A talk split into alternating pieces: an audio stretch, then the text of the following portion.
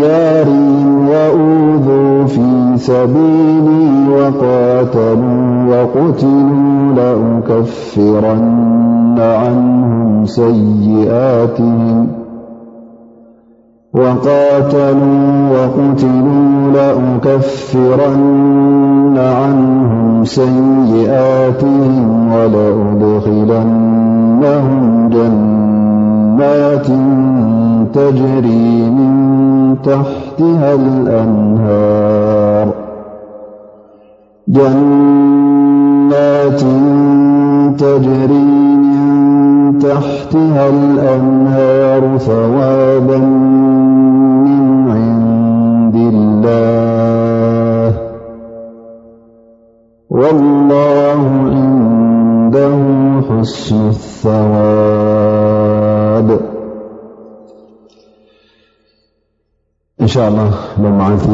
إذ سمعناآيتات كنت نتنا ربي أفتي أن بل قالات نزر و إنسان خو ن فنا ما دعاجبه يقول الله سبحانه وتعالى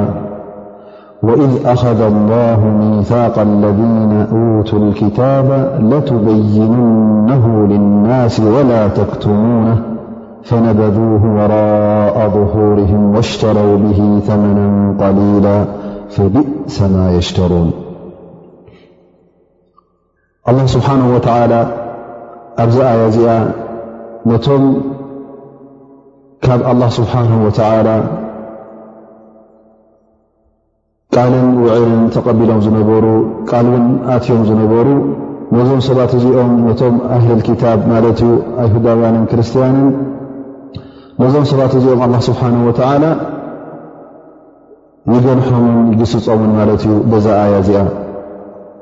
ከምኡ ውን ተህዲድ ይህድዶም ማለት እዩ ምኽንያቱ እቲ ዝኣተዎ ውዕል እንታይ ዩ ነይሩ እቲ ኣላ ስብሓን ወተላ ዘውረደሎም ክታብ እቲ ኣላ ስብሓን ወተላ ዝለገሰሎም መፅሓፍ ነዚ መፅሓፍ እዚ በቲ ኣላ ስብሓን ወተላ ዘውረዶ ንገዛእ ርእሶም ቀጥ ኣቢሎም ነብሶም ሒዞም እቲ ኣብዚ ክታብ ዘሎ እውን ከምቲ ተማሃርዎም ከምቲ ልክ እቶም ኣንብያ ሒዞሞ ዝመፁ እቶም ልኡኻት ኣላ ስብሓን ወላ ሒዞሞ ዝመፁ ከመሓላልፍዎን ክገልፅዎን ነቶም ካልኣይ ወለዶ ዝመፁ ነቲ ካልእ ሰብ ከረድእዎ እዮ እቲ ቃል ኣትዮሞ ዝነበሩ እዞም ሰባት እዚኦም ካብ ተቓላብ ኣትዮሞ ዝነበሩ ድማ ክታብ ሒዝዎ ዝመፀ ድማ ነቢና ሙሓመድ ለ ላ ለ ወሰለም ልኡኽ ከም ምኳኑ ናይ መጨረሻ ነቢ ከም ምኳኑ እቲ ሒዝዎ ዝመፅእ ዲን እውን ናይ መጨረሻ ዲን ኮይኑ ነቲ ዝሓለፈ ኩሉ ሃይማኖታት ነቲ ዝሓለፈ ኩሉ ኣንቢያ ሒዞሞ ዝመፁ ንኡ ሰሪዙ ሓቀኛ ሃይማኖት ከም ምኳኑ ዘብርህ ኣብቲ ክታቦም ነይሩ ነዚ ጉዳይ እዚ እውን ከብርህዎ እዮም ቃል ኣትዮም ነይሮም ግን ኣብ ክንዲዚ እዞም ሰባት እዚኦም ነቲ ተዋህቦ ትምህርትን ዝቐሰምዎ ፍልጠትን ንኹሉ ነዚ ሓቢኦም ነቲ ኣላ ስብሓን ወተላ እቲ ቃል ኣትዮሞ ዝነበሩ ቃል ትኸብድ ቃል ምስ ኣላ ስብሓን ወተላ ገይሮሞ ዝነበሩ ኪዳን ንዕኡ ረሲዖም እንታይ ክገብሩ ኣትዮም ማለት እዩ ኣብ ክንዲ ነቲ ክታብ ዝወረደ ንዕኡ ዝገልፁን እቲ ሓቂ እንታይ ከም ምዃኑን ዘብርሁን እንታይ ክገብሩ ጀሚሮም ክሓብኡ ጀሚሮም ማለት እዩ እቲ ኣላ ስብሓን ወተዓላ ዝኣተዎ ቃል ልካ ነቲ ክታብ ነቲ ሓቀኛ ፅሑፍ ዘሎ ናበይ ደርብሞ ማለት እዩ ንዝባኖም ደርብዮሞ ለቱበይንነሁ ልናሲ ወላ ተክትሙኖ ፈፂምኩም ክትሓብዎ የብልኩምን እንታይ ደኣ ክትገልፅሎም ኣለኩም ኢሉ ኣላ ስብሓን ወተዓላ እዚ ውዕሊ እዙ ኣትዎ እሎም ነይሩ ማለት እዩ ግን እዞም ሰባት እዚኦም ከምቲ ኣላ ስብሓን ወተዓላ ዝበሎ ፈነበብሁ ወራኣ ظሁርህም ግልፂ ውን ኣይበልዎን ማለት እዩ ካብ ዝኸፍእ ክታብ ኣላ ስብሓን ወተዓላ ኣብ ዝባንካ ክትድርቢ ከለኻ ገፅካ ንመን ሂብካ ማለት እዩ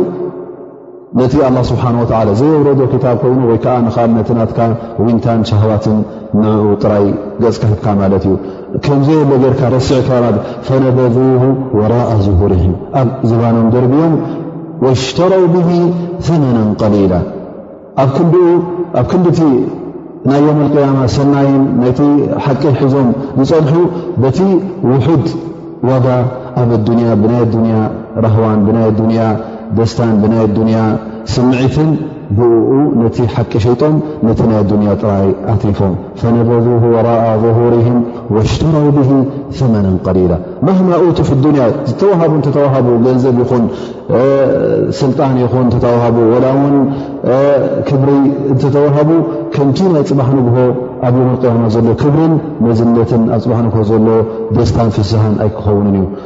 ዝተዋህቡን ተዋህቦ ኣብ ኣዱንያ ውሑድ ስለ ዝሕሰብ ኣላ ስብሓን ወተላ ወሽተረው ብሂ መናን ቀሊላ ብሕሱር ዋጋ ብውሑድ ዋጋ ነቲ ሓቂ ሸይጠሞ ማለት እዩ ምኽንያቱ ብናይ ኣዱንያ ደስታን ብናይ ኣዱንያ ራህዋን ናይ ኣዱንያ ጥራይ ንክረኽቡ ገፆምን ድልዮቶምን ንኣዱንያ ጥራይ ሂቦም ነቲ ኣላ ስብሓን ወላ ዝሃቦም ትእዛዝ ኣብዝባኖም ድርብዮም ስለዚ እንታይ ብ ኣላ ስብሓን ወተላ ፈቢእሰ ማ የሽተሩን እቲ ዝበእሰን ዝኸፍአን ሒዞሞ ዘለዉ ዋጋ ከፍ ኢሎም ገዚኦሞ ዘለዉ እቲ እዞም ሰባት እዚኦም ሒዞሞ ዘለዉ እዮም ስለዚ እቲ ናይ ኣዱንያ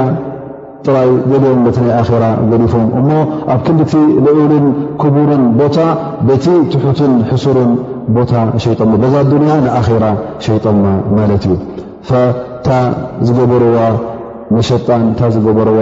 ዕዳጋን ዝኸፍአት ዕዳጋ እያ ነራ ዝወሓደት እውን እያ ነራ እዚ እውን ኣብ ርእሲ እቲ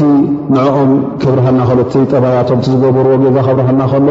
ንዓና እውን የጥንቀቐና ማለት እዩ ኣንቱም ዕለማ ኣንቱም እተምሃርኩም ሰባት ልክዕ ከምቲ ኣይሁዳውያን ከምቲ ኣህሊ ክታብ ዝገበርዎ ክትገብሩ የብልኩምን ክትጥንቀቑ ኣለኩም እዚ መጠንቀቕታ እዩ ንዓኹም ስለዚ ካብቲ ሶም ዝገብርዎ ዝነበሩ ተጠንቀቑ ትካይድኦም ኣይትከተሉ እንታይ ደኣ እንተ ደኣ ትፈልጥዎ ዕልሚ ኣሎ ኮይኑ ትፈልጥዎ ተምሃርኩሞን ዝቐሰምኩሞን ፍልጠት ኣሎ ኮይኑ ንኹሉ ሰብ ከተፍልጦን ከተረድኦን እዩ እቲ ግቡእ ኣላ ስብሓን ወተዓላ ጠቓሚ ዕልሚ ፋይዳ ዘለዎ ዕልሚ ሂቡካ ነዚ ዕልሚ እዙ ፈፂምካ ክትሓብኦ የብልካን እንታይ ደኣ ከምቲ ኣላ ስብሓን ወተዓላ ዝኣዘዘካ ክትዝርግሖን ናብ ኩሉ ከተናውፆን እዩ ዘለካ የቁል ነቢይ ለ ላ ለ ወሰለም መን ስኢላ ዓን ዕልሚ ፈከተመሁ ኡልጅመ የውም ልቅያማ ብልጃም ምናር ካብ ዝኸፍእ እሞ እንታይ ኣሎ ሓደ ሰብ እንተ ኣላ ስብሓን ወተላ ዕልሚ ሂቦ ፍልጠት ሂቦ እሞ ከዓ ዝሰብ እዙ እንተተሓቲቱ ኣንታ ፍላን ከዛ ከምዛን ከምዚኣንሲ ኣላ ስብሓን ወተላ እንታይ እዩ ዝብላ ኣብቲ ሸርዒ እንታይ እያ ትብል ኢሉ ተሓቲቱ እሞ ነዛ ዝፈልጣ ሓቂ እንተ ደኣ ዘይገለፃ ወይ ከዓ እንተ ደኣ ሓቢኡዋ ማለትሲ ካልእ መልሲ እንተ ደኣ ሂቡላ ኣላ ስብሓን ወተዓላ ነዚ ሰብ እዚ እንታይ የብላ ኣሎ ብዮም ልቅያማ ኡልጅና የውም ኣልቅያማ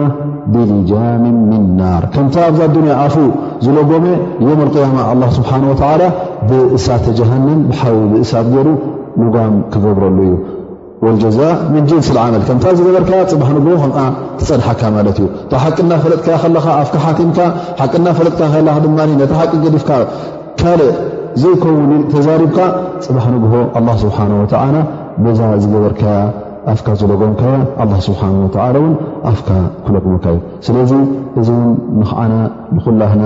እንተ ሓንቲ ኣያ ሓንቲ ሓዲ እተ ሓንቲ ናይ ሸርዒ ነገር ንፈልጥ እተ ኮይና ናብቶም ካልኦት ናብቶም ዘይፈልጡ ንክነብፅሓ ብሕልፊ እተ ተሓቲትካ ብሕልፊ ከዓ እንተ ኣብቲ ዕልሚ ዘይብሉ ቦታ እተ ኣለካ ኮይንካ ነቲ ሒዝካዮ ዘለካ ዕልሚ ከተብፅሖ ግዴታ ይኸውን ማለት እዩ እንተ ዘይብፃሕካዮ ግን እዚ ከምዚ ዝኣመሰለ ከምዘ መዓት ዝጠቐስናዮ መቕፃዕቲ ይፅበየካ ኣሎ እዚ እውን ልክዕ ከምቶም ኣይሁዳውያን መሲልካ ማለት እዩ እቲ ናቶም ጠባይ ተኸቲልካ ትኸይድ ኣለኻ ማለት እዩ ከምቲ ንሶም ነቲ ኣላ ስብሓን ወተላ ዝኣዝዞ ነቲ ዝኣተውሉ ውዕል ንዕኡ ዘየኽበሩ ንዑ ዝጠለሙ እስኻ ውን ውዕል ኣላ ስብሓን ወተዓላ ትጠልም ኣለኻ ማለት እዩ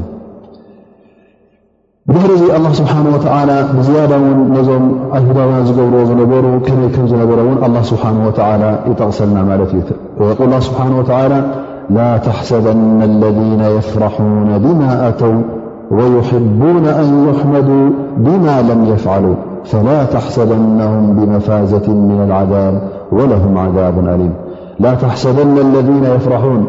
ኣያ ሙሓመድ ወኣዩሃ ልሙእምን ላ ተሕሰበና ለذነ የፍራሑነ ብማ ኣተው በቲ ዝገበርዎ ጌጋ ደስ ዝብሎምን ዝሕበሱን ሰብኣ እዚ ጌጋ እዚ ብቓሎም ይኹን ብግብሪ ይኹን ዝገበርዎ እዞም ሰባት እዚኦም በዚ ነገር ዝሕጎሱ እንተ ኮይኖም እዞም ሰባት እዚኦም ኣብ ቅኑዕ ዘለዉ ኣይምሰልካ ከምኡ ውን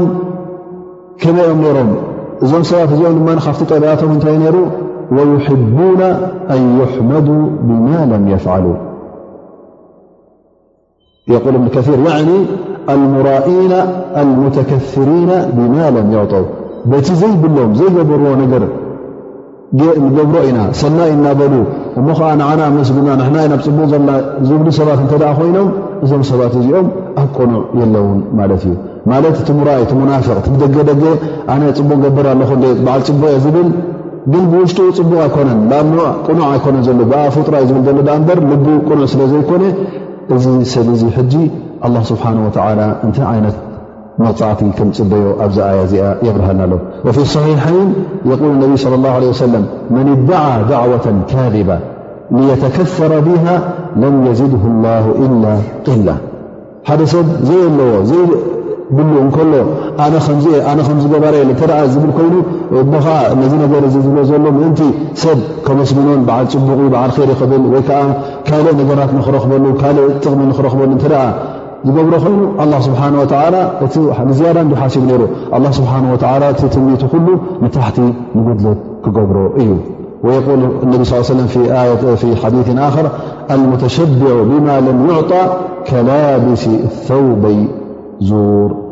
ልክዕ ሓደ ሰብ እንተ ብዘይብሉ ዝኮርዕ ኮይኑ ማለት እዩ ዘይብሉ ከሎ እሞ ከዓ ብዝያዳ ይኮርዕ ብዘይብሉ ዝኮርዕ እተ ኮይኑ ልክዕ ከላብ ዝሰው ዙር ዘይናቱ ክዳን ተኸድነ ማለት እዩ ስለዚ ብዘይናትካ ክትኮርዐ ከልካ ክሉ ግዜ እሞ ከዓከምዘበልካ እሞ እንታይ ገልብ ርእሲኡ ድማ ሰብ ከመስግነካ ክውድሰካ ንፉዕ ፅቡቕ ንክብለካ ንስኻ ኣስለንቲ ናትካ ኣይኮነ ብዘይ ናትካ ካ ትኮረዕ ዘለኻ እቲ ትገብሮ ዘለኻ ጌጋ ከይኣኽለካ እንታይ ትጠልብ ኣለኻ ማለት እዩ እንደገና ክትምስገን በዓል ፅቡቕ እንዲ በዓል ር እንዲዩ ክትበሃል እዛ ኣያ እዚኣ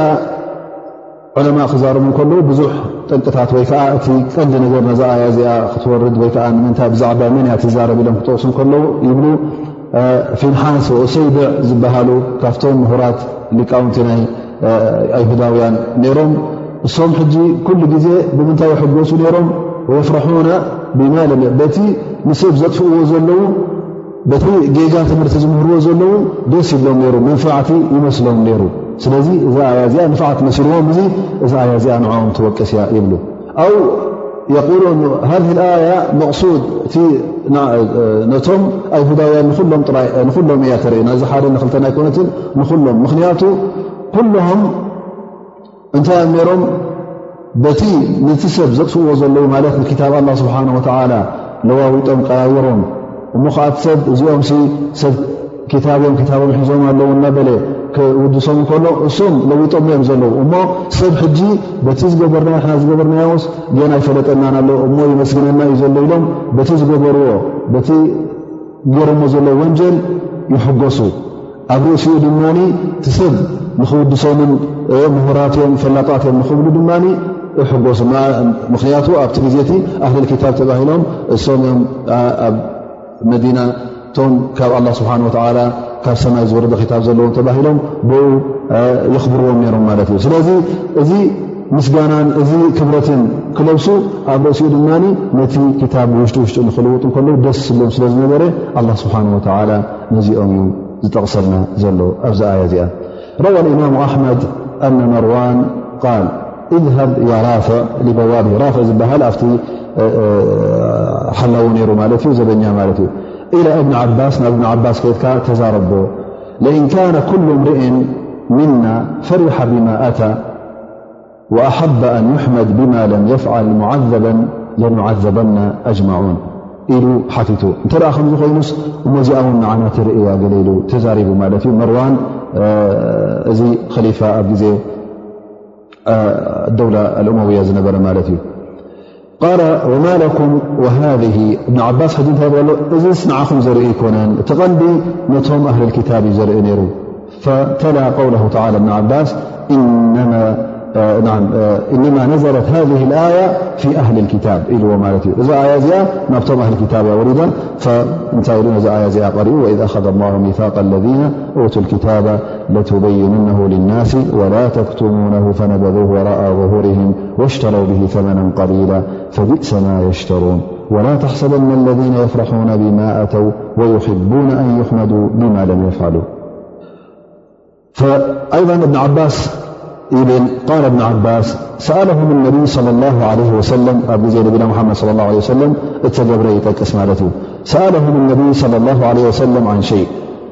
ነቢ ስለ ላ ለ ሰለም ሓሓደ ግዜ ናብቶም ኣይሁዳውያን ከይዱ እዚኣን እዚኣንሲ ኣብቲ ክታብኩም ኣላ ስብሓን ወተዓላ እንታይ እንታይ ይብለኩም ምኽንያቱ ነቢ ስ ሰለም እንታይ ይብል ነሩ ማለት መትሓዚ ንኦም መትሓዚ ንክትከውን ፈልጥ እዩ እቲ ቅኑዕ ቅኑዕ ኣያታትን ትምስ እስልምና ዝቀራረብ ከም ዘለዎ ኣብቲ ክታቦም ኣላ ስብሓን ወላ እውን ብነቢ ሓመድ ስ ሰለም ክኣምኑ ከም ዘለዎም ብእስልምና ክኣምኑ ከም ዘለዎም እዚ መርትዖታት ከም ዘሎ ስለዝፈልጥ ዝነበረ ነቢና ሓመድ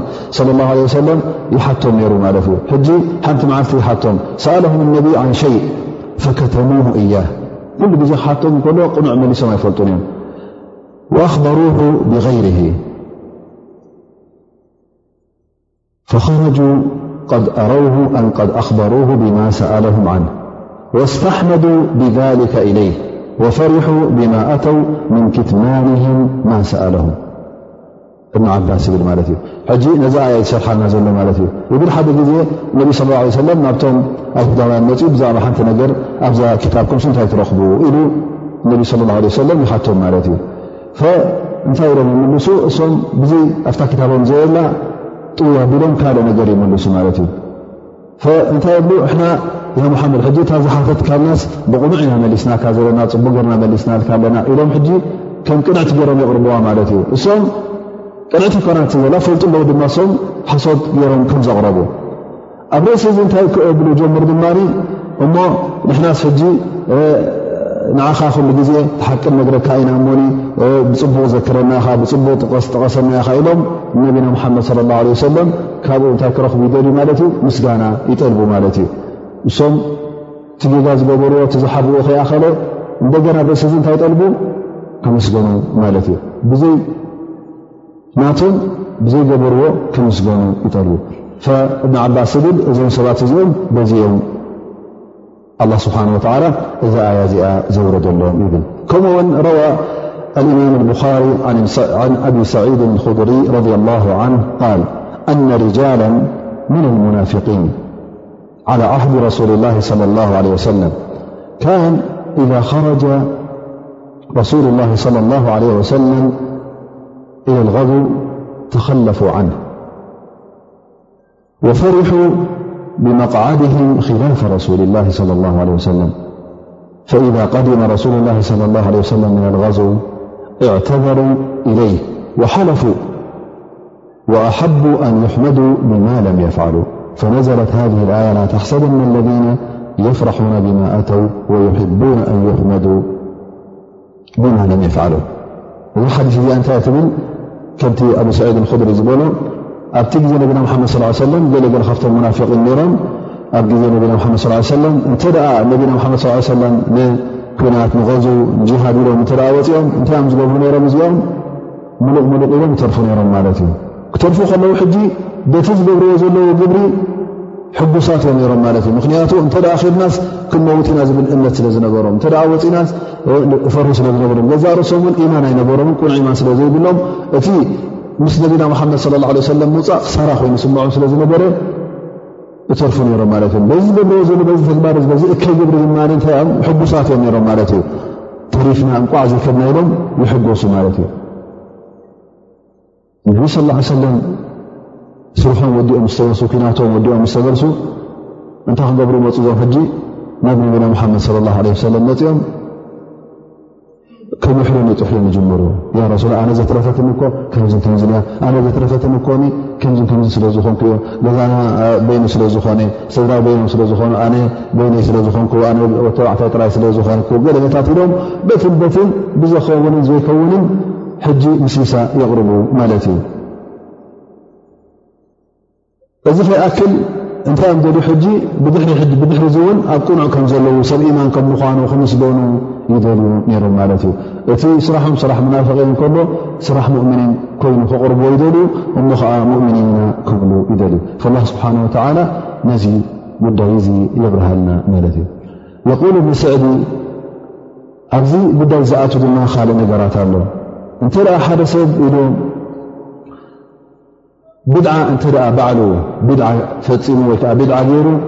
እዛ ብድዓ እዚኣ ብቃል ትኸውን ወይ ከዓ ግብራዊት ብድዓ ትኹን እሞ ከዓ ብኣ እንተ ሕጉስ ኮይኑ ደስ ትብሎ እተ ኮይና እዛ ብድዓ እዚኣ ከምኡ ውን ንሰብ እናፀውዐ ን ከምዚ ግበሩ ዝብሉ እተ ኮይኑ እሞ ከዓ እዚ እቲ ሓቂ እዚ እቲ ቕኑዕ ኢሉ እንተ ዝኣምንን ዝምሕልን ፅሕልን ከምኡውን ዝሕጎስን እተ ኮይኑ እዚ ሰብ እዚ ልክዕ ከምዚ ጉዳይ እዚ ይኸውን ኣሎ ማለት እዩ ምክንያቱ ታሒዝዋ ዘሎ ባጥል እያ ዘላ በዚ ባጥል እዚ በዚ ብድዓ እዚ ዓ ሕጉስን ሕቡን እንተ ኮይኑ እሞ ከዓ ብድሕሪኡ ከዓ ሰናይ ከም ዝገብር ዘሎን መገዲ ሓቂ ሒዙ ከም ዝኸይድ ዘሎን ክእመነሉን ክምስገንን ዝደሊ እተ ኮይኑ እዚ በዓል ብድዓ እዚ ኣብዛ ቃል እዚኣ ይኣቱ ማለት እዩ ካብቶም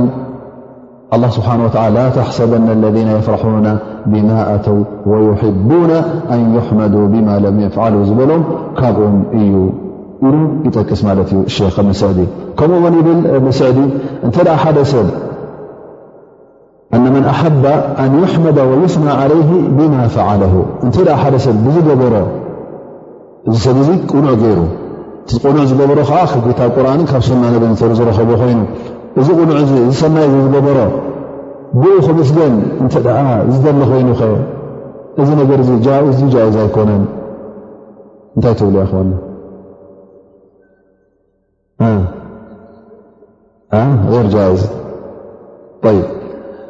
እንተ እዚ ሰብ እዚ ሰናይ ነገር ገብር ኮይኑ ካብቲ ክታብ እውን ኣይወፀን እሞ ሰናይ እናገበረ ኮይኑ ከምስገን ዝደሊ እተ ኮይኑ ወይ ከዓ ኣብ ሰብ ከመስግንዎ እተዘኣገሉ ኮይኑ ይብል እዛ ካን ቀስድሁ ርያ ቀስድሁ ርያ እንተ ኮይኑ ስምዓን ርያን እተ ደልዩ ኮይኑ እዚ ኣይፍቀድን እዩ ከምታ ዝበልኩማ ማለት እዩ ላኪን እዚ ሰብ እዚ ስምዓን ርያን ዝደለ ኣይኮነን ላኪን ብድሕሪኡስ ብሰላይ ክጥቀስ ዝደሊ እተ ፈቱ ኮይኑ ብድሕሪኡ ሰብሲ ብሕማቕ ጥቕሶ ዘይደሊ እተ ኮይኑ እብል እዚ ጉዳይ እዚ እተ በዓል ር ኮይኑ ር ዝገብር ነበረ ኮይኑ ሰብ ኩሉ ግዜ ብር ክጠቕሶ ዝደሊ ጥራይ እተ ኮይኑ ርያእን ስምዓን ዘይደለየ እተ ኮይኑ እዚ ሰብ እዙ ምንም ሽግር የብሉን ምኽንያቱ ሰይድና እብራሂም እንታይ ይብል ወጅዓኒ ሊሳነ ስድቅን ፊ ኣክሪን ማለት ብድሕረይ እውን ብሰናይ ንክዝከርሲ እልምነካ ኣለኹ ኣንታ ጎይታ ማለት ኩሉ ሰብ በዓል ር ከም ምኳንካ ምክንያቱ ር ስለ ዝገርካ እዘ ሃ ለይሰ ብመዝሙም ይብል ማለት እዩ እዞም ሰባት እዚኦም የቕበሉ ኣላ ስብሓን ወላ ወይሕቡና ኣን ይሕመዱ ብማ ለም የፍዓሉ በቲ ዘይገበርዎ ክምስገኑ ዝደልዩ ሰባት እዞም ሰባት እዚኦም ፈላ ተሕሰበናሁም ብመፋዘት ምን ልዓዛብ እዞም ሰባት እዚኦም ፈፂሞም ካብታ ስቓይ ጀሃንም ኣይድሕኑም እዮም እታ ጀሃንም ትፅበዮም እያ ዘላ ምኽንያቱ እዞም ሰባት እዚኦም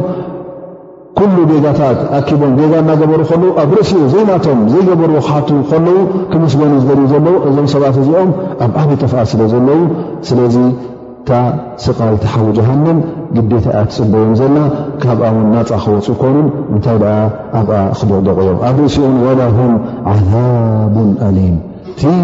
እቲ ብጣዕሚ ኣዝዩ ኣቐንዛዊ ዝኾነ ስቓይ እውን ነዞም ሰባት እዚኦም እዩ እዞም ሙናፍቒን እዞም እከይ እናገበሩ ከለዉ እቶም ሕማቕ እናገበሩ ከለዉ ፅቡቕ ንገብር ኣለና ኢሎም ከቕርቡን ንሰብ ከታልሉን እቲ ዘታልዎ ዘለዎ ድማ በቲ ንሰብ ዘታልዎ ዘለዉ ዝሕጎሱን ዝሕበኑን እሞ ከዓ ዝሰናይ ግብሪ ኢና ኢሎም ሰብ ክመስግኑ ዝደልዩ ዘለዉ ሰባት እዞም ሰባት እዚኦም ኣላ ስብሓን ወተዓላ በዛ ኣያ እዚኣ ዘጠንቅቖም ኣሎ እዚኦም ሰባት እዚኦም ፈፂሞም ካብ ስቃይ ኣላ ካብ መቕፃዕቲ ኣላ ስብሓን ወተዓላ ኣይድሕሉን እዮም ትፅበዮም ዘለዉን ኣዝዩ ብጣዕሚ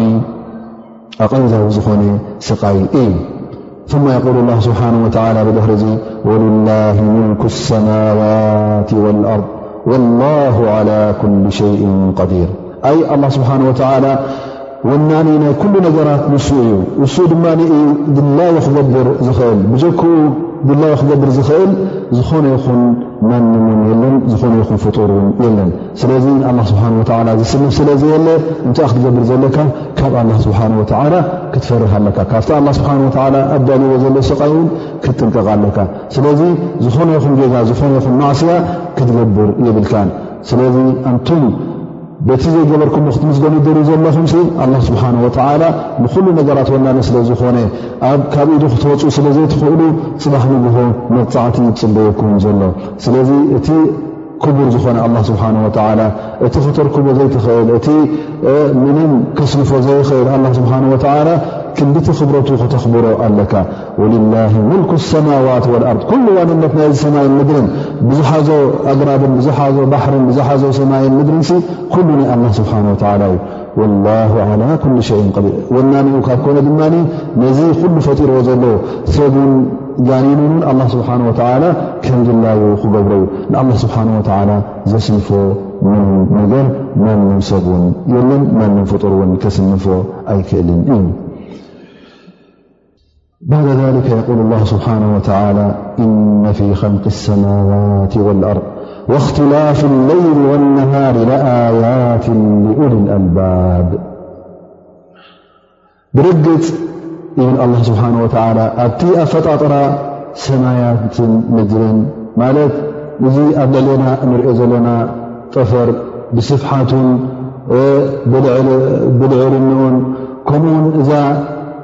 ኣብ ልዕሊኣ ዘለና መርት ምስቲ ዘላቶ ክብደታን ከምኡ ውን እቲ ኩሉ ኣብዚ ዱንያ ንሪኦ ዘለና በቢ ዓይነቱ ከዋክብቲ ተንቀሳቀስቲ ከዋክብቲ ሎ ዘይንቀሳቀስ ከዋክብቲ ሎ ከምኡ ውን ውቅያኖሳት ባሕርታት ጎቦታት እቲ ኩሉ ኣላ ስብሓን ወተላ ከሊቕዎ ዘሎ ኣብዚ ሰማይን ምድርን ኣግራባት ኮይኑ ከምኡ ውን ትዝራዕ ትዝብላዕ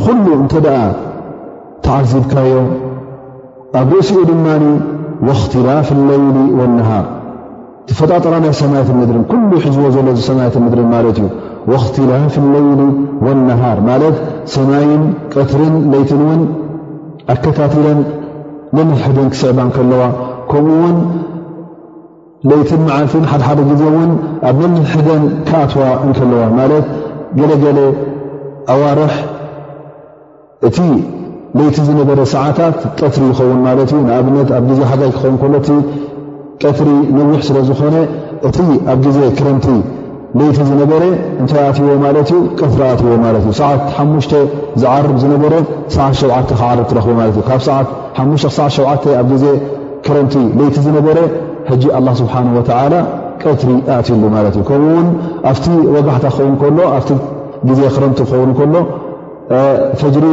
ፀሓይ ትበርቀሉ እዋን ሰዓት ሸውዓተ ክኸውን እንከሎ ኣብ ካልእ ግዜ ድማ ሰዓት ሓሙሽተ ክትበርቕ ትረኽባ ማለት እዩ ስለዚ ትለይትን ትመዓልትን እውን ከመይ ገይሩ ኣላ ስብሓን ወተላ ንነብ ንንሕዱ ክእትዎን ንንሕዱን ከከታትሎን ክትርኢ ከለኻ እዚ ድማ ገዛ ርእሱ ትንውሓትን ትምሕፃር ናይ ትመዓልትታት ከምኡእንታይ ይድሕሰብ ማለት እዩ እዚ ኣያ ማለት ምልክት ማለት ተኣምር እዩ ነዚ ተኣምር እዚ ድማ ዝዕዘቡ ነዚ ተኣምር እዚ ብሓቂ ተዓዚቦም ን ዝጥቀሙ መን እዮም ኩሉ ፍጡር ኣይኮነን ዝጥቀም ኣላ ስብሓን ወተላ እዎ ንኩላህና ኣእምሮ ሂቡና ንኩላህና ልቢ ሂቡና ንኩላህና ንሓስበሉ ሓንጎል ሂቡና እዩ ግን ኣላ ስብሓን ወተላ እንታይ ኢሉ ዛ ኣያ እዚኣ እዚ ኩሉ ዝጠቀስክዎ ለኣያትን ሊኡል ኣልባብ ኡሉል ኣልባብ እቶም ኣእምሮ ዘለዎም እቶም ዓቕሊ ዘለዎም እቶም ፍልጠት ዘለዎም እቶም እዚ ኩሉ ክሪኡ ከለውስ እባ እዚስ ከመይ ገይሩ ባዕሉ ተፈጢሩ ባዕሉ ተኸሊቑ ክንብል ንኽእል ከመይ ገይሩ እዚ ሰማይን ምድርን እዚ ኩሉ ላዕልን ታሕትን ዘሎስ ከመይ ገይሩ እዩ ከምዚ ገይሩ ዝኸይድ ዘሎ ኢሉ ዝሓስብ እሱ እዩ ዝጥቀም ኡሉል ኣልባብ ኣላ ስብሓን ወተላ ልቢ ዝሃቦም ልቦና ዝሃቦም ዓቕሊ ዝሃቦም እሶም ልክዕ ንዕኦም እዚ ነገራት እዚ ኣያ ምልክት ይኸውን ኣላ ስብሓን ወተላ እሱ ፈጣሪ ከም ምኳኑ ንኡ እቲ ኩሉ ኣምልኾት ክወሃብ ከም ዘለዎ ካብቲ እሱ ዝበለና እውን ፈልከት ንኸይንብል እዚ ምልክትን ተኣምርን ኮይኑ ይረኽብዎ ማለት እዩ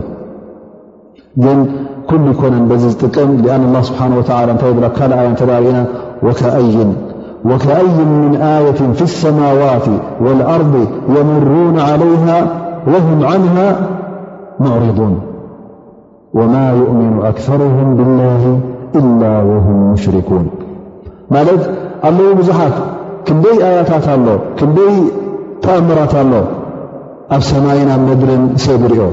ፈላጣት ተባሂሎም ምሁራት ተባሂሎም እመራመሩ ግን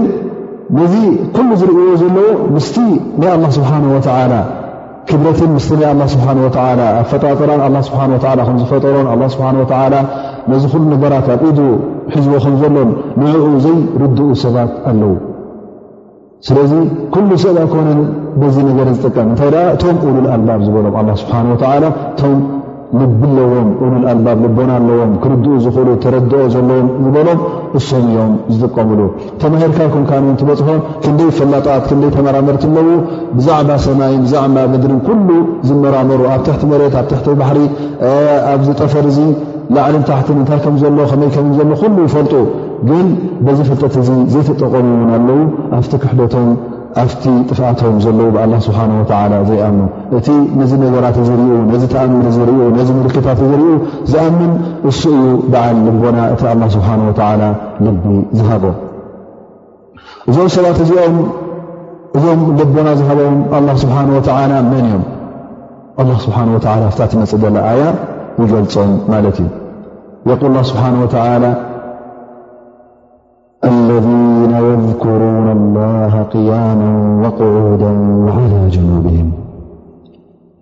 እሶም እዞም ኣላ ስብሓን ወተላ እምሮ ዝሃቦም እዎም በቲ ኣላ ስብሓን ወተላ ዝኸለቆም በቲ ፈጣጥራ ኣላ ስብሓን ወተላ ዝጥቀሙ ነዚ ኣያታት እዚ ነዚ ምልክታት እዚ ነዚ ተኣምራት እዚ ዝርድእዎ መን እዮም እሶም እቶም ዝኣመኑ ንኣላ ስብሓን ወተላ እውን ለይቲ ምስ መዓልትን ዝዝክሩ ኣለذነ የذኩሩን ላሃ ቅያማ ወቁዑዳ ወዓላ ጅኑብህም ኣብ ኩሉ እንትንኦም ደው ኢሎም እተ ኣለዉ ኮይኖም ኣብ ግዜ ምንቅስቓሶም ብደዎም ኮፍ እንተኢሎም ብጎቦ እተ ኮይኖም ኣብ ኩሉ እንትንኦም ትመልሓሶም ኩሉ ግዜ ካብ ዝክላ ስብሓን ወተላ ደዋ ይብልን ዩ ኣላ ስብሓን ወላ ድማ ኩሉ ግዜ ኣብ ልቦም እዩ ዝገብርዎ ተግባር እተ ኣሎ ኮይኑ እውን ኣብቲ ኩሉ ምንቅስቓሳቶም ንኣላ ስብሓን ወተላ ይዝክሩ እዮም እዛ ኣያ እዚኣ ድማ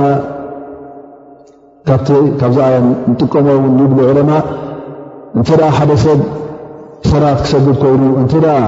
ክኢሉ ደው ኢሉ ይሰግድ እንተ ዘይከኣለ ካብኡ ድማ ናብ ሓልፍ ኮፍ ኢሉ ይሰግድ እተ ኮፍ ኢሉ ዘይከኣለ ድማ ብጎቦ ኮይኑ ይሰግድ ዓላ ጅኑቡ لى نوبهمالذين يذكرون الله قياما وقعودا وعلى جنوبهمل لأن انبي صلى اله ي سلميولم ثب في البخاري عن عمران بن حسين أن رسول الله صلى الله عليه وسلم قال صل قائما فإن لم تستطع فقائا فإنلم تستطع فعلى ኢዘን እዛ ሓዲትን እዛ ኣያን እውን ንኣብ ሰላት ይራኸባ ማለት እዩ ብሰፊሑ ድማ ብሓፈሽኡ እንተ ርእና ሓደ ሰብ ንኣላ ስብሓን ወተዓላ ኣብ ኩሉ ኩነታቱ ንኣላ ስብሓን ወተዓላ ክዝክሮ ከም ዘሎ ብልቡ ኮይኑ ብኣፉ ብመልሓሱ ብተግባሩ ኣብ ኩሉ ምንቅስቓሳቱ ንኣላ ስብሓን ወተዓላ ክርስኦ የብሉን እንታይ ደኣ ዝክሪ ላ ስብሓን ወተዓላ ኩሉ ግዜ ምስኡ ክህሉ ኣለዎ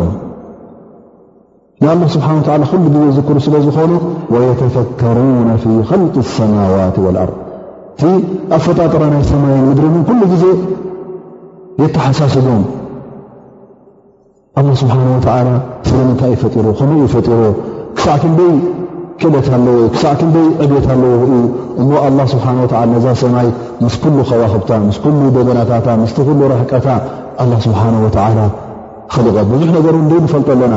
ቅድሚ ሽ ዓመት ከመይ ነራ ቅድሚ ዓሰተ ሽ ዓመት ከመይ ነራ ድሕሪ ዱቲ ሽ ዓመት ከመይ ክትከውን እያ ብጀካ ኣላ ስብሓን ወተዓላ ዝፈልጦ የለን ኢሉ ይተሓሳሰብ ማለት እዩ እዚ ጥራይ ኮነ ናይ ሰማይ ምድሪ ወላ እውን ናይ ነብስኻ እውን ትሓስበሉ ኣላ ስብሓን ወተዓላ ንዓይ ከመይ ገይሩ ፈጢሩኒ ከመይ ገይሩ ኸሊቑኒ ከመይ ገይሩ ትንፋስ ሂቡኒ እሞ ኸዓ ክእለታት ገይሩለይ፣ ኣእምሮ ገይሩለይ፣ እዚ ኩሉ ዕድመ ሂቡኒ፣ ንድሕሪኡ እውን ክመውት፣ ምስ ሞትኩኸ ኣበይ ክጸንሕየ፣ ክሳዕ ዮም ኣልቅያማ ታሪኸይ ኣበይ፣ እዚ ኩሉ እንተ ክሓስበሉ ኮይኑ እውን እንታይ እዩ ዘርእየካ ማለት እዩ እቲ ክብሪ ናይ ኣላ ትኽእለት ናይ ኣላ ስብሓን ወተዓላ ክሳዕ ክንደይ ፍፁም ክእለት ከም ምዃኑ ደረት ዘይብሉ ከም ምዃኑ ሓሲብካ ውን ክትበፅሖ ዘይትኽእል ከም ምዃንካ ኣብኡ እዩ ዘብፅሓካ ማለት እዩ እቲ ሙእምን እንተ ኮይኑ ተፈኩር ክገብር ኣለዎ ኩሉ ግዜ ኣተፈኩር መለኩት ላ ስብሓን ወተላ ንገዛእ ርእሱ ዒባዳ ይብልዎ ማለት እዩ ኮፍ ኢልካ ክትሓስብ ከለኻ ክእለት ኣላ ስብሓን ወተላ ክትርኢ ከለኻ እሞ እቲ ኩሉ ሓይልታት ናይ እንስሳታት እቲ ኣብ መሬት ዘሎ እቲ ባሕሪ ዘሎ እንስሳታት ክሳዕ ክንደይ ሓይሊ ዝኾን ዘለዎ ክሳዕ ክንደይ ክእለት ከም ዘለዎ ኣላ ስብሓን ወላ ከመይ ገይሩ ከም ዝኸልቆ እሞ ኣላ ስብሓን ላ ኩሉ ፀብፃብ ዝፈሉ ድናዚ ክንደይ ቁፅሩ በቲ ኣላ ስብሓን ወተላ ዝበሎ ይንቀሳቐስ እሞ ነዚ ኹሉ ከተምፅእ ከለኻ እንታይ ኢኻ ትርኢ ማለት እዩ? ኣብቲ ትሪኦ ዘለኻ ምድርን ኣብ ሰማይን ዘሎ ክእለት ናይ ኣላ ስብሓን ወተዓላ ኢኻ ትርኢ ዘለኻ፣ ክብሪ ናይ ኣላ ስብሓን ወተዓላ ኢኻ ትርኢ ዘለኻ፣ ኩሉ እቲ ኣላ ስብሓን ወተዓላ ፍልጠት ናይ ኣላ ኢኻ ስብሓን ወተዓላ ትርኢ ዘለኻ። ስለዚ እቲ ኣብ እዛ ዱንያ ትሪኦ ዘለኻ ኣብ ሰማይን ኣብ ምድርን ዘሎ ናበይ ዘብፅሓካ ክኸውን ኣለዎ ኣብቲ ተውሒድ ኣላ ስብሓን ወላ ብጀካ ኣላ ስብሓን ወተዓላስ ብጀክኡ ፈጣሪ ከም ዘየለ ብጀክኡ ክኣሊ ከም ዘየለ ብጀክኡ ኣምልኾት ክወሃቦ ዝግባእ ዝኾነ ይኹን ብሓቂ ኣምልኾ ዝወሃቦ ዝኾነ ይኹን ፍጡር ይኹን መላእካ ይኹን ነቢ ይኹን ዝኾነ ይኹን ኮታ ብጀካ ኣላ ስብሓን ወተዓላ ኣምልኾት ክወሃቦ ዝግብኦ ከም ዘየለ ናብዚ ነገር እዚ ከብፅሓካ ኣሎ እቲ ተፈኩር ዝበሃል እዚ እዩ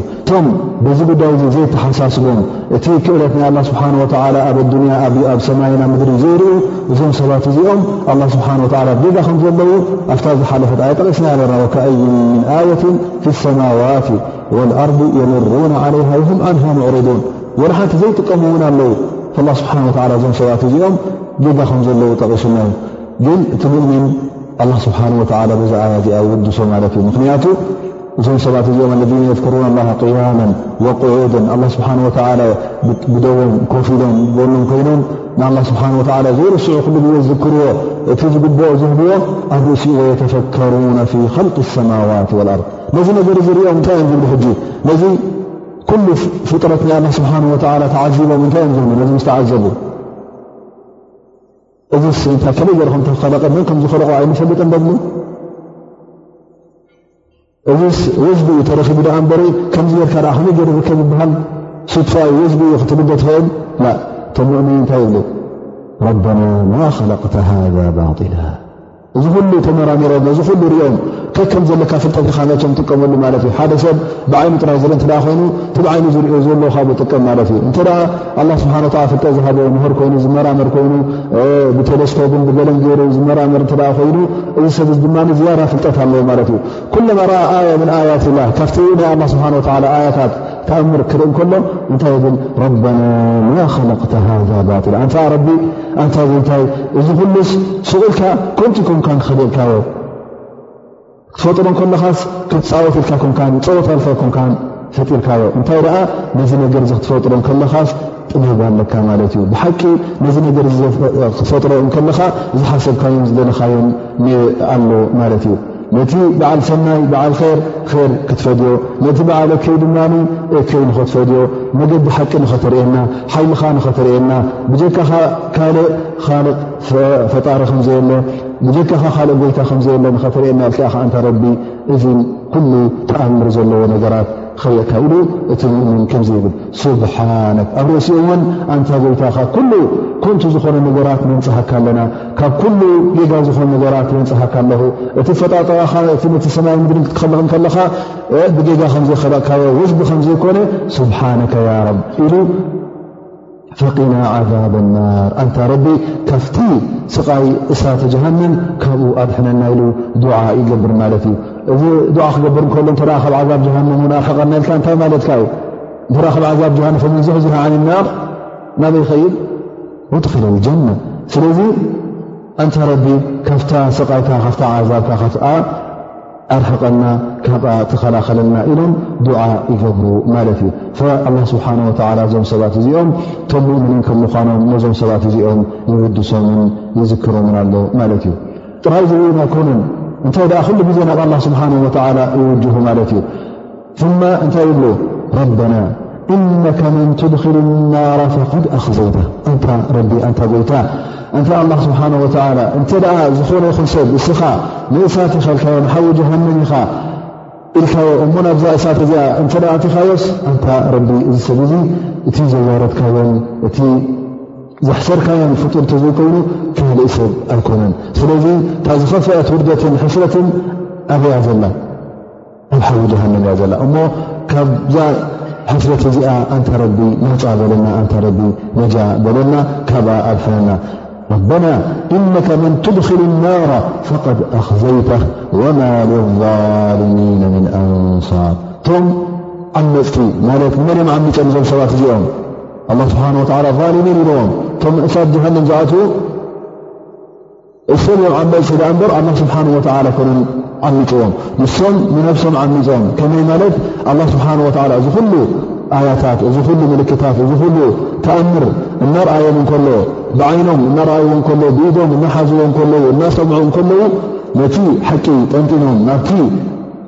መገዲ ጌጋ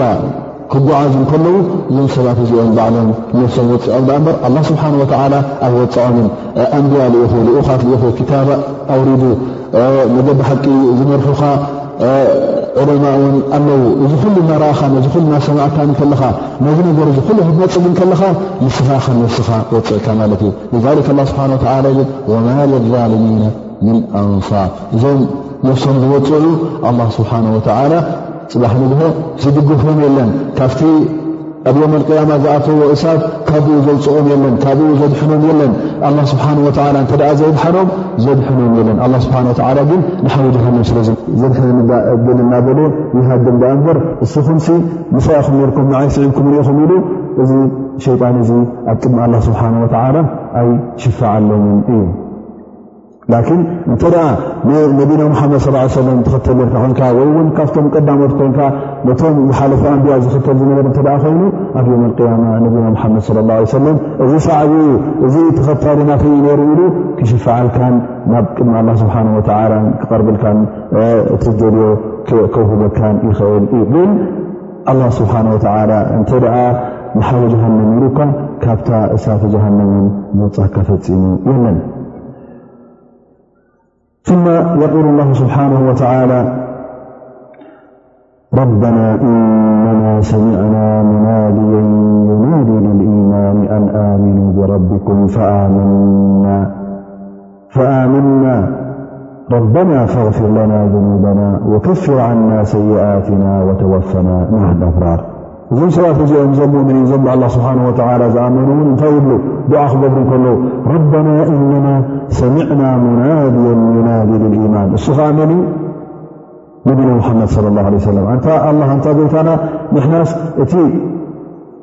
ናብ መገዲ ሓቂ ዝፅውዕ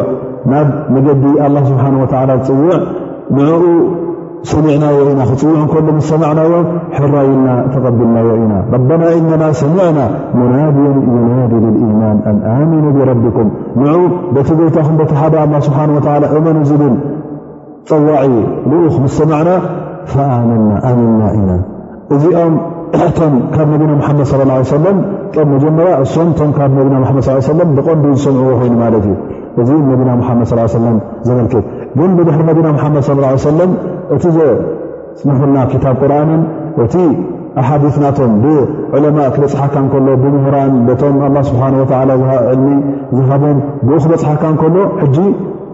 ካብኦም ውን ትሰምዕ ኣለኻ ማለት እዩ ካብ ቁርን ትሰምዕ ኣለኻ ካብ ስና ነቢ ለ ላ ለ ወሰለም ትሰምዕ ኣለኻ ማለት እዩ ስለዚ ቲ ምስማዕ ቀዳማይ ነገር ወይ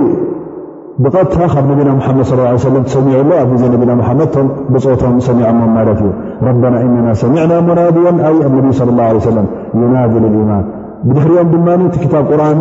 እሱ እቲ መልእኽቶም ነሩ እነቢ ስ ሰለ ን ፃውዒት ክገብሩ ከለዉ ብምንታይ እዮም ፅውዑ ነሮም ብክታብ ቁርን እዮም ዝፅውዑ ነሮም ማለት እዩ ፈኢዘን እስኻ ውን ኣንታ ሞሚንቶም ድሕሪ ኣስሓብ ነቢ ስ ሰለ ዝመፃእካ ውን እዚ ጉዳይ ዝውናዓኻ የርኢ ማለት እዩ ነቲ ክታብ ቁርን ሰሚዕካ ነቲ ሱና ነቢ ሰሚዕካ ትኽተል ዚኻ ዘለኻስ ወይ ስነፅብ ረበና እነና ሰሚዕና ሙናድን ዩናዲ ልልኢማን ኣንኣሚኑ ብረቢኩም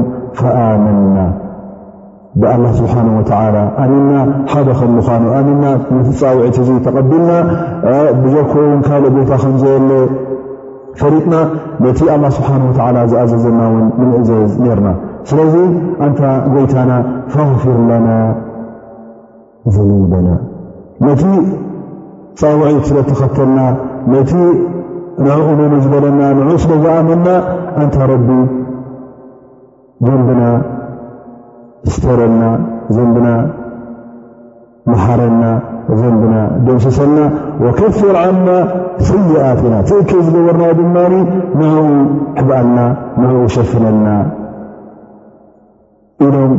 ዱዓ ይገብሩ ኣብ ርእሲ ድማ እንታይ ዱዓ ይገብሩ ወተወፈና መዓል ኣብራ ምስቶም ሳልሒን ምስቶም ረቢ ዝሃቦም ምስቶም ብፁዓን ምስቶም ልኡላን ምስቶም ሰብ ር ምስኦም ድማ ሓውሰና ምስኦም ውን ንኦም ክነርክብ ዝበረና ኣብቲ ጀና ምስኦም ሓዋዊስካ ተቐበለና ኢሎም ዱዓ ይገብሩ እዚ እውን ኣይኮነን ገና ትድዕኦ ምቕፅል ኣሎ እቶም ፈራሓት ኣላ ስብሓን ወተላ እቶም በቲ ኣላ ስብሓን ወተላ ዘውረዶ ኣያታት በቲ ኣላ ስብሓን ወተላ ዘውረዶ ተኣምር ብኡ ተዓዚቦም ኩሉ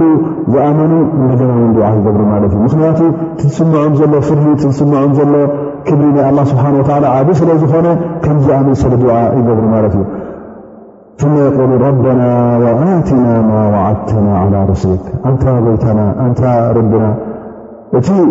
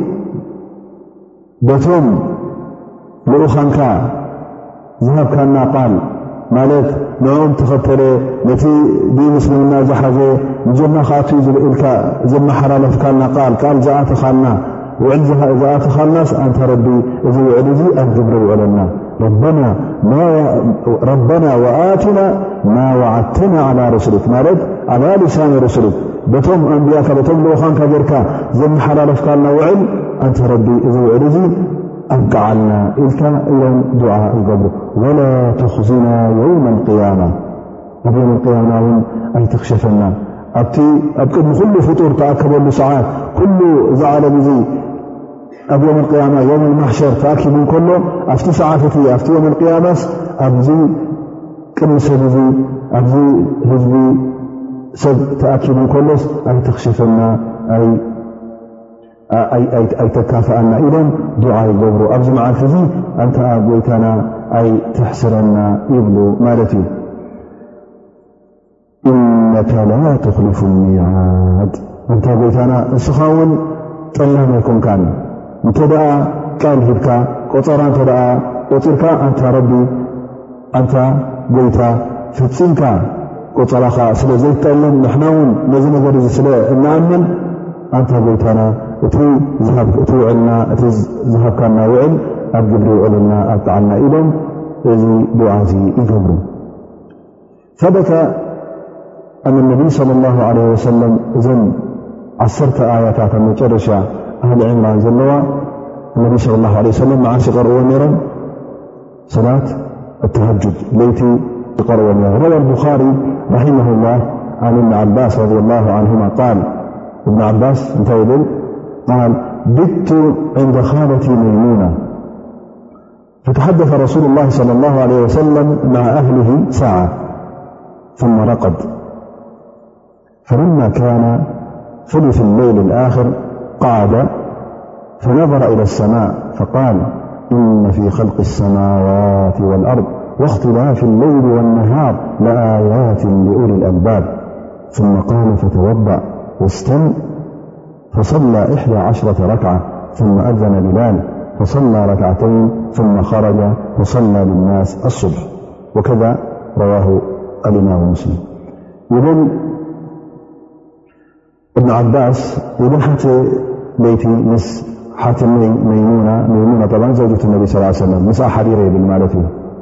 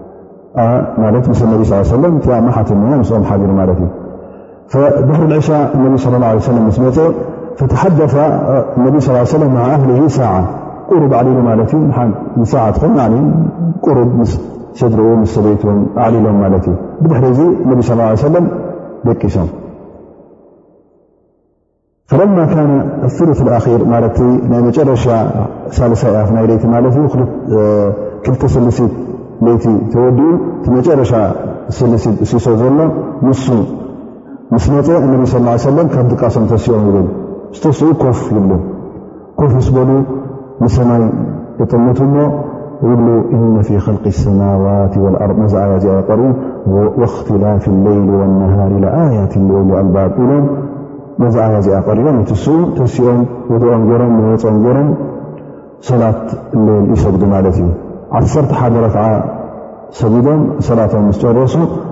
ቢላል ይእዝን ቢላል ኣዚኑ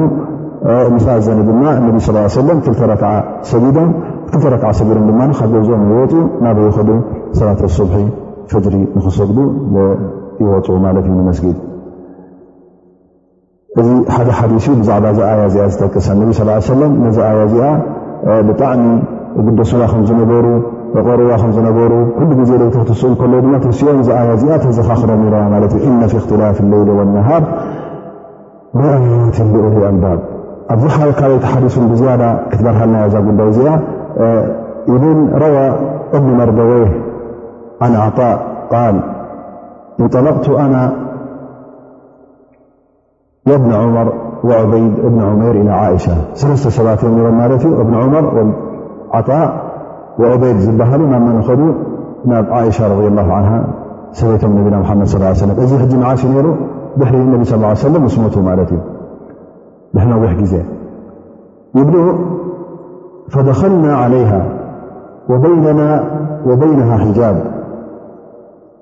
فقالت يا عبيد ما يمنعك من زيارتنا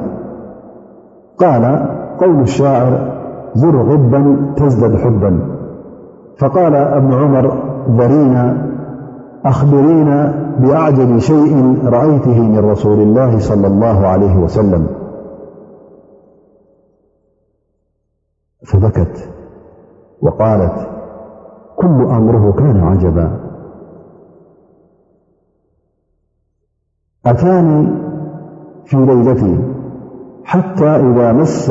جلده جلدي ثم قال ذريني أتعبد لربي عز وجل قالت فقلت والله إني لأحب قربك وإني أحب أن تعبد لربك فقام إلى القربة فتوضع ولم يكثر صد الماء ثم قام يصلي فبكى حتى بل لحيته ثم سجد فبكى حتى بل الأرض طجع على جنبه فبكى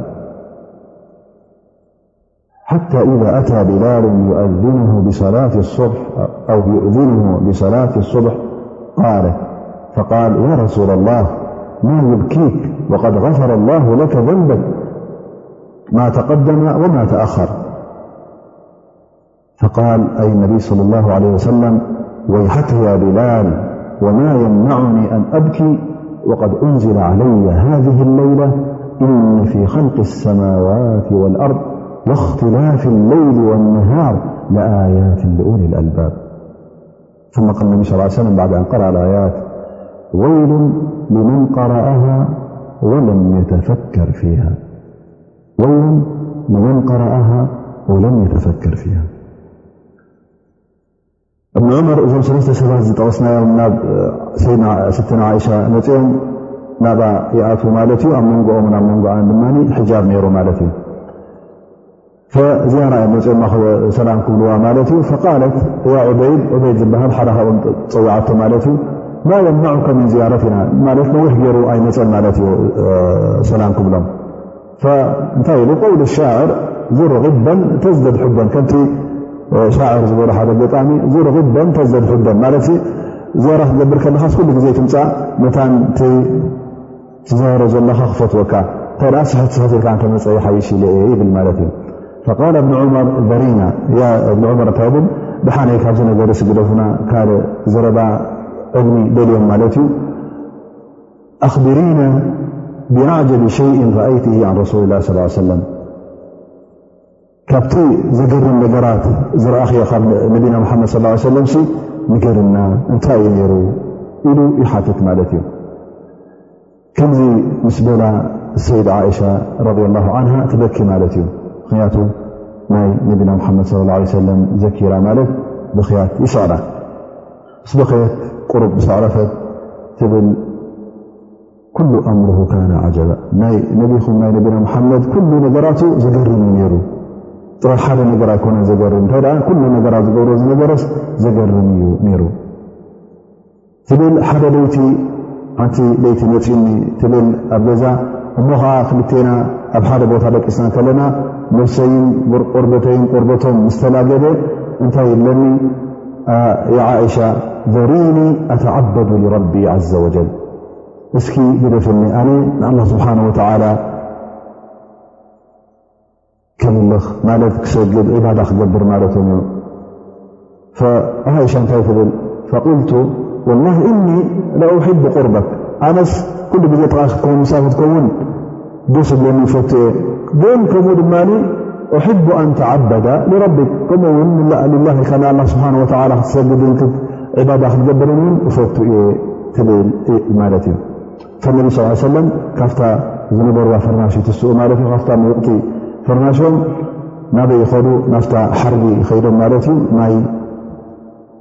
የሱሱ ውዱእ ይገብሩ ማለት እዩ ብዙሕ ማይ እውን ኣይወድኡን ትብል ቁርብ ቁርብ ገይሮም ውዱእ ገይሮም ثመ ቃመ ይሰሊ ሰላት ክሰግድ ጀሚሩ ማለት እዩ ነቢ ለ ላ ለ ሰለም ዝተስኣ ክሰግድ እንከሎ ብኽያት ይሰዕሮም ትብል ይበኽዩ ክሳዕ እቲ ጭሕሞም ዝትርክስ እዚ ደው ኢሎም ከለዉ ማለት እዩ ብድሕሪኡ ስጁድ ምስ ገበሩ ኣብ ስጁድ ድማ እንደገና በኽያት ይሰዕሮም ማለት እዩ ይበኽ በኽ እቲ መሬት ክሳዕ ብንብዓቶም ዝትርክስ ይኸውን ማለት እዩ ስጁዱ ምስ ወደኦ እውን ብጎቦ ኮይኑ ንኸዕርፍ ብኽያቶም ግን ኣይቋረፀን ትብል እናበኸዩ እናበኸዩ እንከሎ ክሳዕ ኣሱብሒ ይኣክል ማለት እዩ ኣሱሒ ምስኣኸለ ቢላል ይመፅኦም ማለት እዩ ቢላል መፅኡ ሰላት ኣሱብሒ ኣኺሉ ኩሎም ምስ መፀ ክበኽዩ ምስ ረኸቦም እንታይ ይብል ረሱላ ላ እንታይ ከምቲ ኣኸዳ ትበኪ ኣላ ስብሓን ወተላ ዝሓለፈ ዘለኻን እቲ ዝመፅእ ዘሎ ዘንብሉ ኩሉ ይቐፊሩልካ ከሎስ እንተ ከም ኩ ኢኻ ትበኪ ኢሉ ነቢና ሙሓመድ ለ ላ ለ ወሰለም ይሓትት ላማ ሰሊ ላ ሓመድ ነቢ ለ ላ ሰለ እንታይ ምልሱ ወማ የምናዑኒ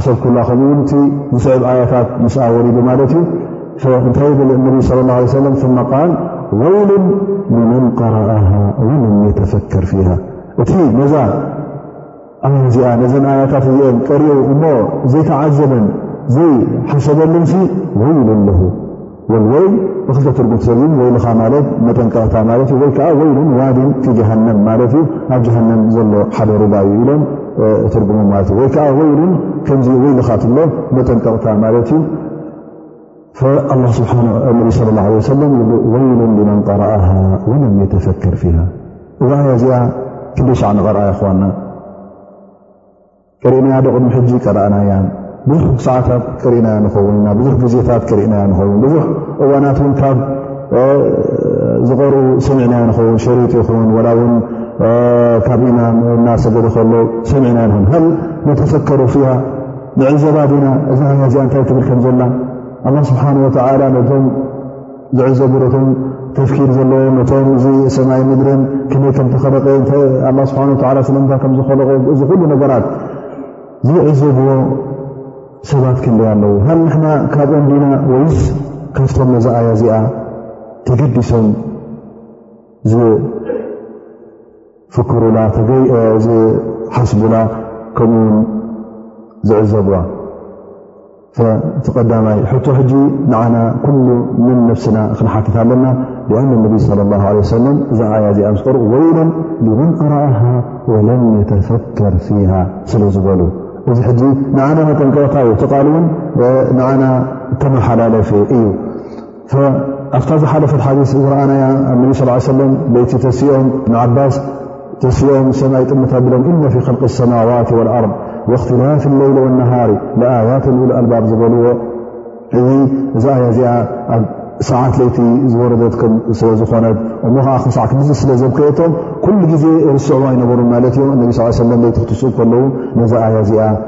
ነዚ ኣያታት ዘን ዓሰርተ ኣያ ዘን መዓልቲ ገለ ካብን ዝቐርኣና ክሳዕ መጨረሻ ኣል ዕምራን ይቐርኡ ነሮም እንሻ ላ ድሕሪ ኣዛን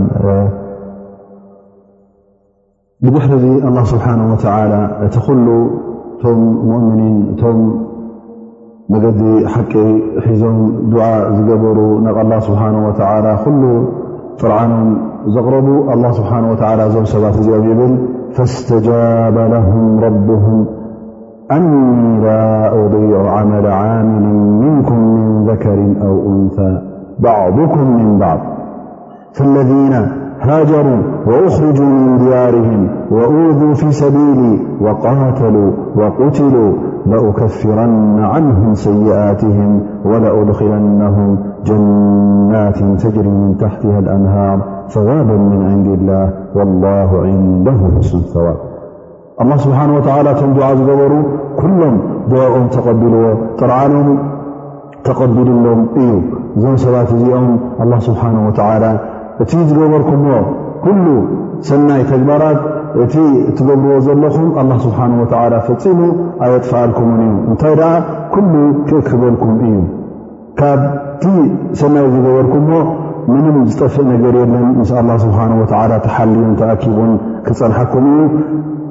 ስለዚ እቲ ዝገበርኩሞ ድዓ እቲ ናብ ኣላ ስብሓን ወተላ ዘቕረብኩሞ ጥርዓን ኣላ ስብሓን ወተላ ሰሚዕዎ ኣላ ስብሓን ወተላ ተቐቢልዎ እዩ لا أضيع عمل عامل منكم من ذكر أو أنثى أمسلم رض الله عنه ذ نبا محمد صى الله عليه وسلم ا رسول الله ل لا نسمع الله ذكر النساء في الهجرة بشيء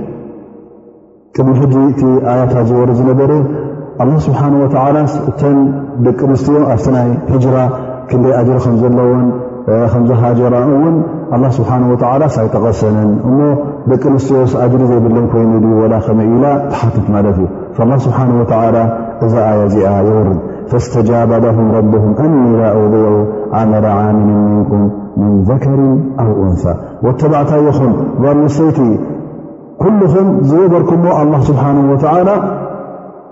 ኣኪብልኩም ሓልውልኩም ክፀንሕ እዩ ካብ ኣላ ስብሓን ወተዓላ ዝጠፍእ የለን ላ ስብሓን ወተዓላ ክቕበልልኩም ዱዓ ዝገበርኩሞ እቲ ኩሉ ዝገበርኩሞ ተግባር እውን ኣላ ስብሓን ወተዓላ ክሕልዎን ክእክቦን እዩ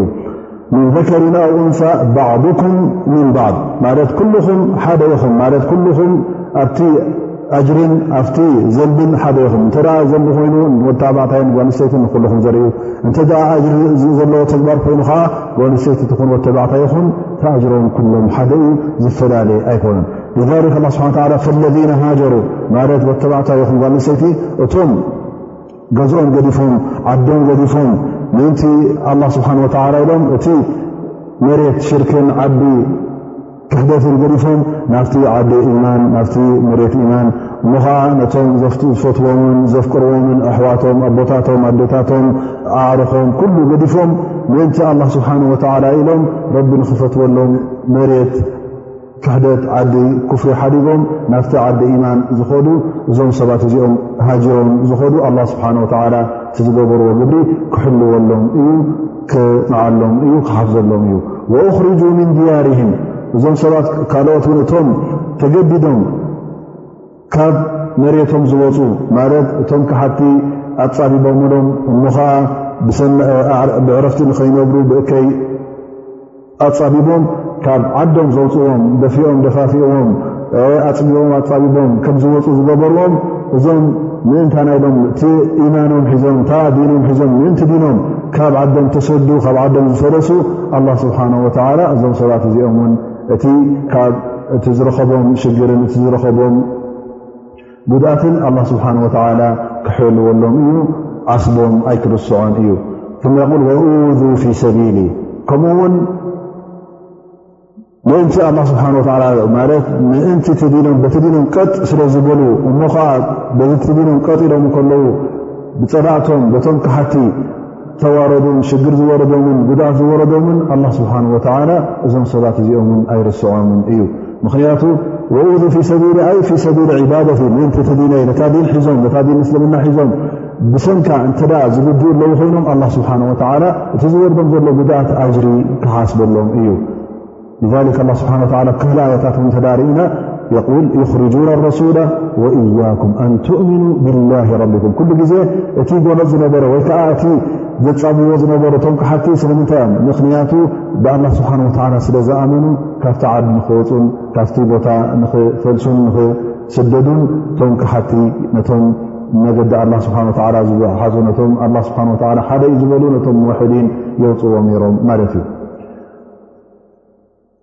ወኡዙ ፊ ሰቢሊ ወቃተሉ ወቁትሉ ብዙ ሕጂ እውን ኣብቲ ናይ ጅሃድ መዳይ ተኻፊሎም ኣብኡ ውን ተዋጊኦም እተቐትሉ ወይ ከዓ ተዋጊኦም ከይቀተሎን ዝተረፉ እተ ኮይኖም በቲ ዝገብርዎ ዝነበሩ ተግባራት በቲ ምእንቲ ኣላ ስብሓን ወላ ዝቃረስዎ ዝነበሩ ኣላ ስብሓን ወላ ኩሉቲ ዝገብርዎ ዝነበሩ ክሕልወሎም እዩ እዚ ቲዝዓበየ ናይ ሕልፈት ነፍሲ ስለ ዝኾነ ኣላ ስብሓን ወተላ ጠቒስዎ ቅድሚኡቲ ናይ ህጅራ ዓድኻ ገዲፍካ ገዛኻ ገዲፍካ ስድራኻ ገዲፍካ ንብረትካ ገዲፍካ ትፈልሶ ንዑ ምስ ጠቐሰ ብድሕሪኡ ድማ እቲ ኣብ ሰውነትካ ዝወርደካ ጉድኣታት ምስ ጠቐሰ ቲዛ ዓበየ ድማ ኣብ መጨረሻ ይጠቕሰሎ ማለት እዩ ነፍስኻ ምእንቲ ዝዲን እዚ ከተሕልፍ ከለኻ ቲዛዓበየ ደረጃ ከም ዘለዎ ኣብዚ ይጠቕሶ ማለት እዩ ሕ قال يا رسول الله النبينا محمد صلى الله عليه وسلم حتة مالته يقول أرأيت إن قتلت في سبيل الله صابرا محتثلا مقبلا غير مدبر أيكفر الله عني خطاياي فقال نعم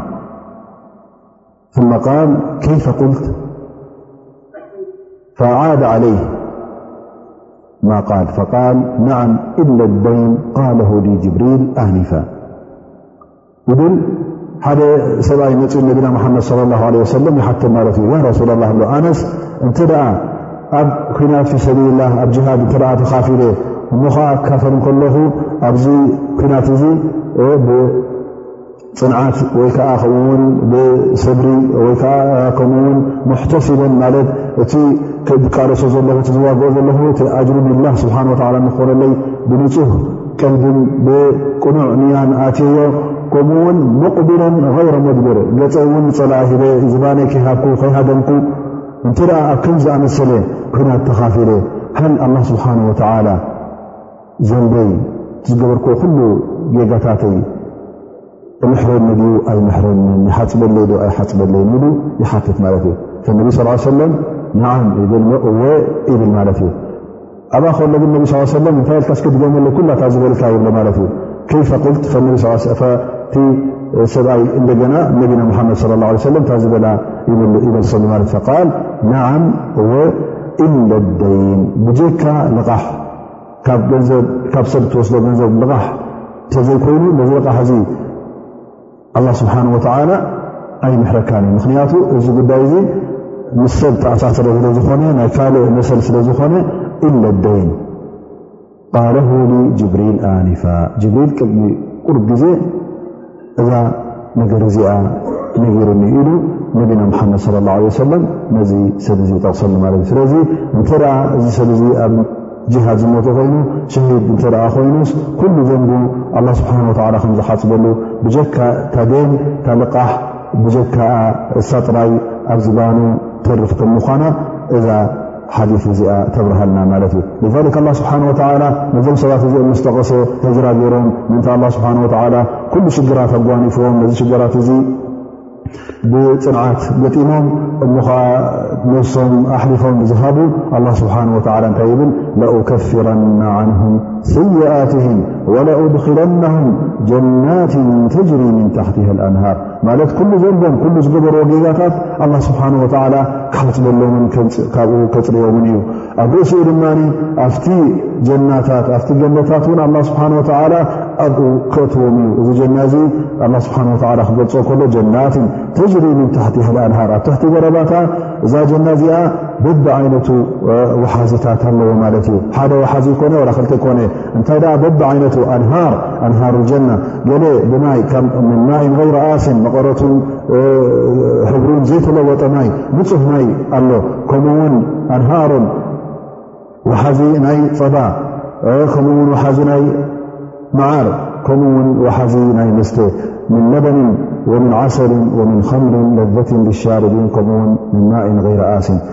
ስለዚ እቲ ብትሕቲ ጀና ዝውሕዝ ውሓዚ ብቢ ዓይነቱ እተፈላለየ ውሓዚ ከም ምዃኑ ኣላ ስብሓን ወተላ ኣብዚ ኣያ ኹን ኣብ ካልእ ኣያታት ጠቒሱና እዩ እሞቶም ነዚ ሰናይ ዝገበሩ ኣብዚ ከም ዝኣመሰለ ቦታ ክኣትዉ እዮም ኣላ ስብሓን ወተላ ኣብዚ ቦታ እዚ ዓስቦም ሒዙሎም ክፀንሕ እዩ እዚ ዚ ነገር እዚ ከዓ እዚ ናይ ጀና እዚ ተክፊረ ዝኑብ ካብ መን እዩ ካብ ኣላ ስብሓን ወተላ የል ሰዋበ ምን ዕንድላ ኣላ ስብሓን ወተላ እዚ ነገር እዚ ካብኡ ከም ምዃኑ ናብ የፀግዖ ማለት እዩ ምኽንያቱ ሰዋብ ምን ዕንድላ ካብ ኣላ ስብሓን ወላ ክትውሃብ ከለኻ ዓስብኻ እዚ ዓስቢ እዙ ኣላ ስብሓን ወላ ዓብ ስለ ዝኾነ ኣላ ስብሓን ወላ ክቡር ስለ ዝኾነ እቲ ዝበካ ዓስቢ እውን ዓብን ክቡርን እዩ ሃፍታም ዝበካ ወይከዓ ሃፍታም ዝልግሰልካ ገንዘብን ወይ ከዓ ዝተኽበልካ ገንዘብን ብካ ዝተኽበልካ ገንዘብን ደበይን እዩ ስለዚ ኣላ ስብሓን ወላ ፍፁም ሃፍታም ስለ ዝኾነ ፍፁም ክቡር ስለ ዝኾነ ፍፁም ዓብ ስለ ዝኾነ እቲ ፅሒልካ ዘሎ ህያብ ን እቲ ፅሒልካ ዘሎ ዓስቢ እውን ከምቲ ናቱ ክብረትን ከምቲ ናቱ